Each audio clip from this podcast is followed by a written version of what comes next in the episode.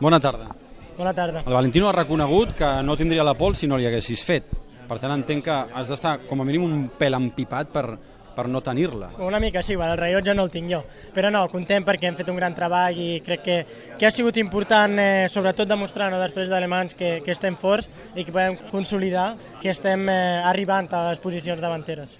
Fa la sensació que t'has tret de sobre molt de pes, perquè el pas endavant d'aquest gran premi és molt bèstia, no? Sí, sobretot eh, tant jo com l'equip. Crec que, que els dos ens hem tret una, un pensament i llavors estem dedicant a, a treballar al màxim. Cursa, com la veus? Quines possibilitats creus que tens?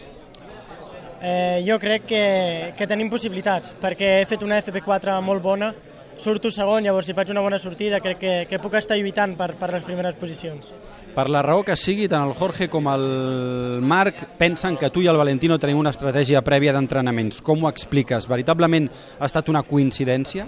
Bueno, al final he vist també que, que Jorge el seguia Janone no? i no ha tallat gas. Llavors, eh, no, no sé com dir-ho, perquè m'agrada sempre sortir dels últims, Valentino també surt dels últims i molt de cop ha sigut coincidència, no? així que jo crec que prefereixo així que no que em segueixin eh, dos o tres pilots, després jo tingui dos o tres de, pilots d'abans, així estic concentrat i puc treure el meu 100%. Ell avui la pol i tu demà la victòria. Estaria perfecte. Ho signo ara mateix. Gràcies, Maverick. Gràcies.